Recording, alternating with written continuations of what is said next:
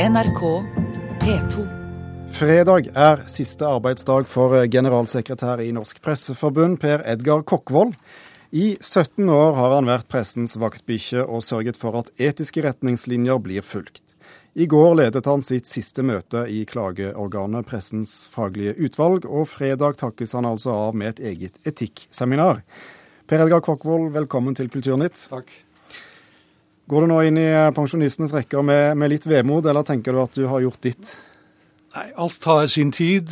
Eh, jeg, et, jeg har vært, holdt på i 25 år med dette. Første åtte år i Pressens faglige utvalg, dels som medlem, dels som leder, og nå som sekretariatsleder. Eh, hvor jeg jobbet med, med presseetikk. Eh, i hvert fall i 80% av tiden. Så jeg, jeg er jeg, Som sagt, alt uh, har sin tid. Og jeg er glad fordi jeg kan etterlate meg en, uh, en et etikkorgan som fungerer. Norsk presse som er ganske etisk bevisst, og medarbeidere. Saksbehandlere som kommer til å gjøre en strålende jobb for et nytt utvalg. Og jeg er helt sikker også en eh, etterfølger som eh, har de kvalitetene som trengs, nemlig eh, journalistisk bakgrunn, faglig bakgrunn, og som samtidig ikke er slik at man tror at pressen alltid har rett, for det har den ikke.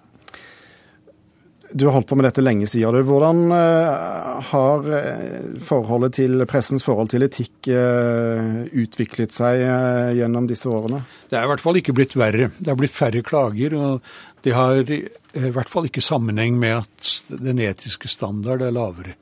Men det er blitt langt flere medier. Tidligere var det noen forhutrede mennesker som gikk rundt med en blokk og kanskje en radioreporter. Nå kryr det av eh, journalister, det er mange medier, mange flere medier. Samtidig som eh, pressens faglige utvalg er blitt langt mer kjent enn det var. Det er kanskje litt dårlig gjort å, å, å spørre deg, men uh, å lede pressens faglige utvalg har jo vært en av hovedoppgavene dine. Er det en sak du husker bedre enn noen andre? Nei, altså, Det er vanskelig å, vanskelig å si. Vi har hatt mange eh, tunge, store saker. Noen av dem har dreid seg om NRK. Eh, Romkvinnesaken hvor PFU kom ganske seint på banen, men med, veld, med, en veldig sterk uttalelse. Nav-saken også, som gjaldt NRK. Fredelig-saken mot Dagens Næringsliv. Men så har vi også noen, noen eh, lettere, noen morsommere saker. Og jeg husker spesielt en fra Norges naturvernforbund mot, eh, mot Lofotposten. Klagen gikk ut på at eh, Lofotposten to ganger hadde rotet bort klagens lesebrev, at avisen hadde publisert tre tilsvar til klagens innlegg uten at innlegget hadde stått på, på, trykk, og at klageren to ganger hadde fått sitt eh, innlegg på trykk først etter at tilsvaret hadde stått. Så vi, vi opplever også slike lettere saker som som er morsomme, og som er hyggelige oppi alt det seriøse. Da du tiltrådte eh, i Norsk Presseforbund i 1996, så var det omtrent samtidig med at eh, nettaviser og internett kom for fullt. På hvilken måte har medienes forhold til etikk blitt påvirket av, den teknologiske utviklingen som har vært?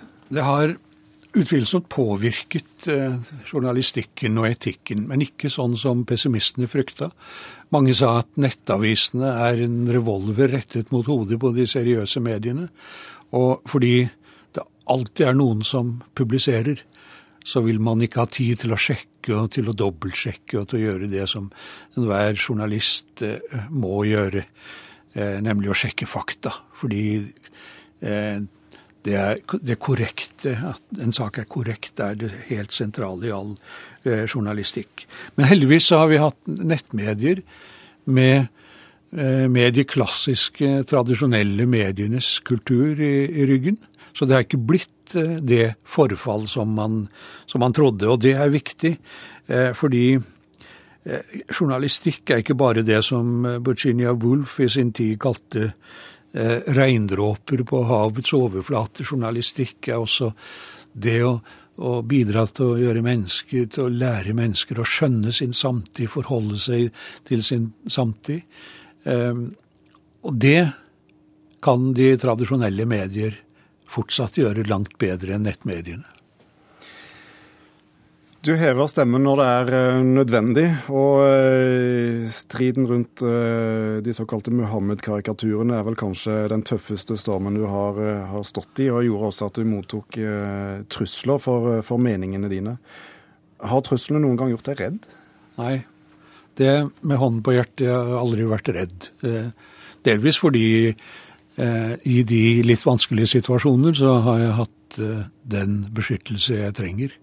Dessuten har jeg visst at eh, bl.a. disse karikaturtegningene er i den beste tradisjonen, eh, satiriske tradisjon, som vi har drevet med i 200 år. Og jeg mener fortsatt at vi aldri i frykt for gudene eller presteskapet eller imamer eller KGB eller CIA skal bøye oss for, for, det viktigste vi har, nemlig ytringsfriheten, som ikke bare er en menneskerettighet, men, men selve grunnlaget for alle andre menneskerettigheter.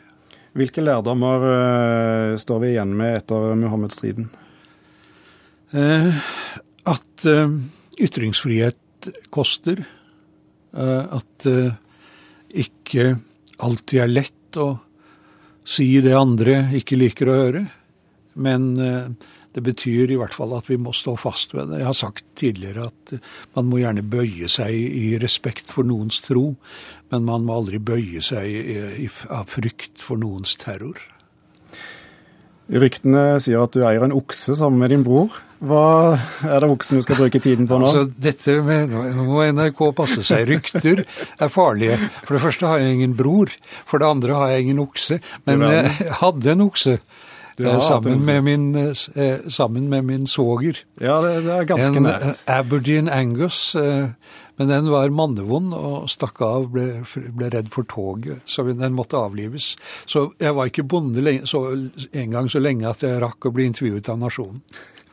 Per Edgar Kokkvold, riktig mann å gjøre feil med i studio. Tusen takk skal du ha. Hør flere podkaster på nrk.no podkast.